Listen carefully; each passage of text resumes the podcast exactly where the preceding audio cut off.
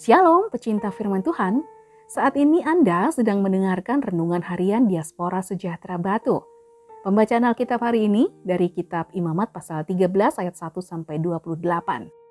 Penyakit kusta.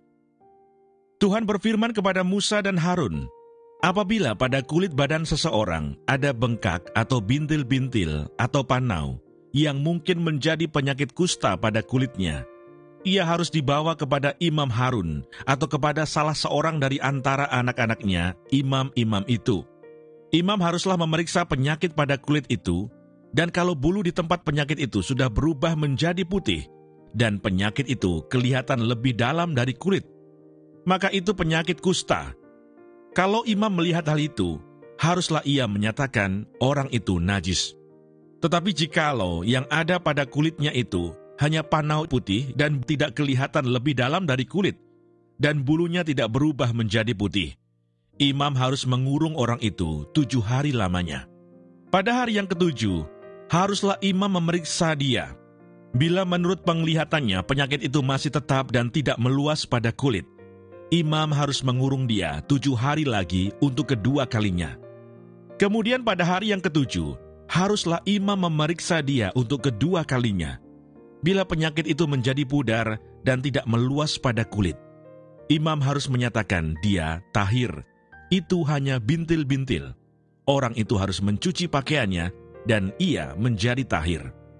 Tetapi jikalau bintil-bintil itu memang meluas pada kulit, sesudah ia minta diperiksa oleh imam untuk dinyatakan tahir, haruslah ia minta diperiksa untuk kedua kalinya.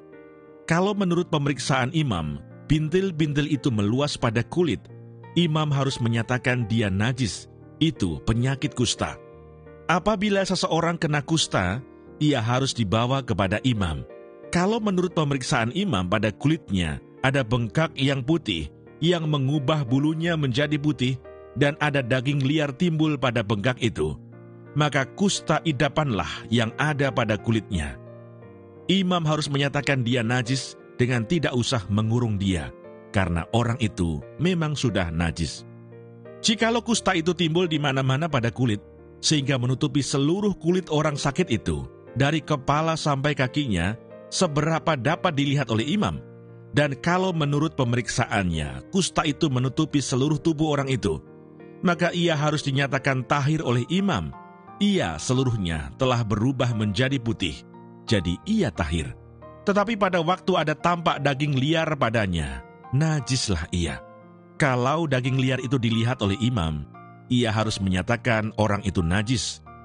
Karena daging liar itu najis dan itu penyakit kusta.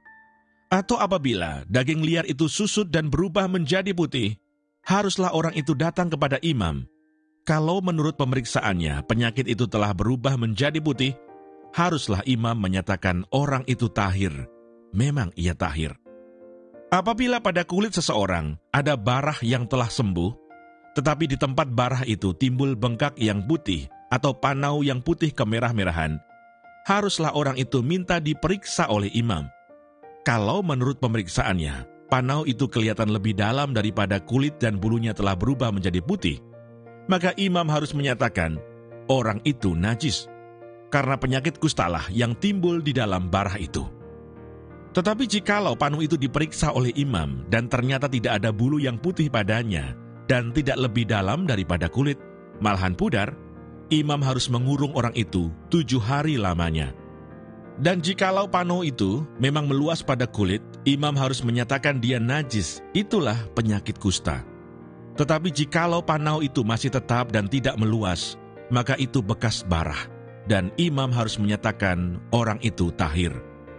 Atau apabila pada kulit seseorang ada lecur karena api dan daging liar yang timbul pada lecur itu menjadi panau yang putih kemerah-merahan atau putih, maka imam harus memeriksa panau itu.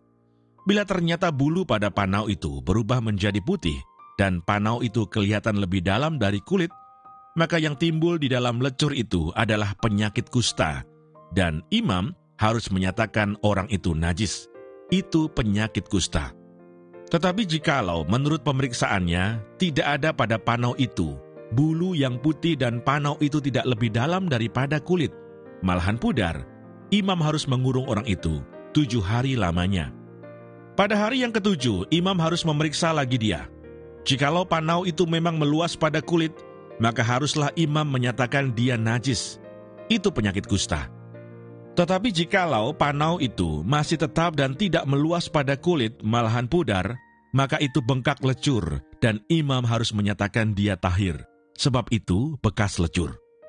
Ayat Mas hari ini dari kitab Imamat pasal 13 ayat 27 sampai 28. Pada hari yang ketujuh, imam harus memeriksa lagi dia. Jikalau panau itu memang meluas pada kulit, maka haruslah imam menyatakan dia najis. Itu penyakit kusta. Tetapi kalau panau itu masih tetap dan tidak meluas pada kulit, malahan pudar, maka itu bengkak lecur dan imam harus menyatakan dia tahir, sebab itu bekas lecur. Imamat 13 ayat 27 sampai 28. Renungan hari ini berjudul Rohani dan Duniawi.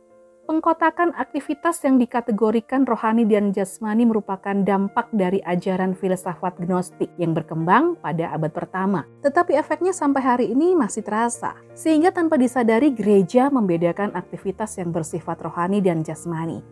Melalui bacaan saat ini kita diperlihatkan bahwa kepercayaan yang Tuhan berikan kepada para imam untuk mengkategorikan penyakit kulit yang najis dan tahir menunjukkan bahwa seluruh yang dilakukan imam berkaitan dengan spiritualitas. Pekerjaan ini cocok jika dilakukan oleh seorang tabib, namun Allah mengendaki supaya imam yang melakukannya. Kita dapat melihat bahwa tanggung jawab imam bukan saja sebagai pelaksana ibadah, menentukan kriteria persembahan yang berkenan kepada Allah atau tidak, tetapi tugas imam juga memelihara kesehatan umat kita lihat bahwa semua aktivitas hidup seorang imam selalu berkaitan dengan hal-hal yang rohani.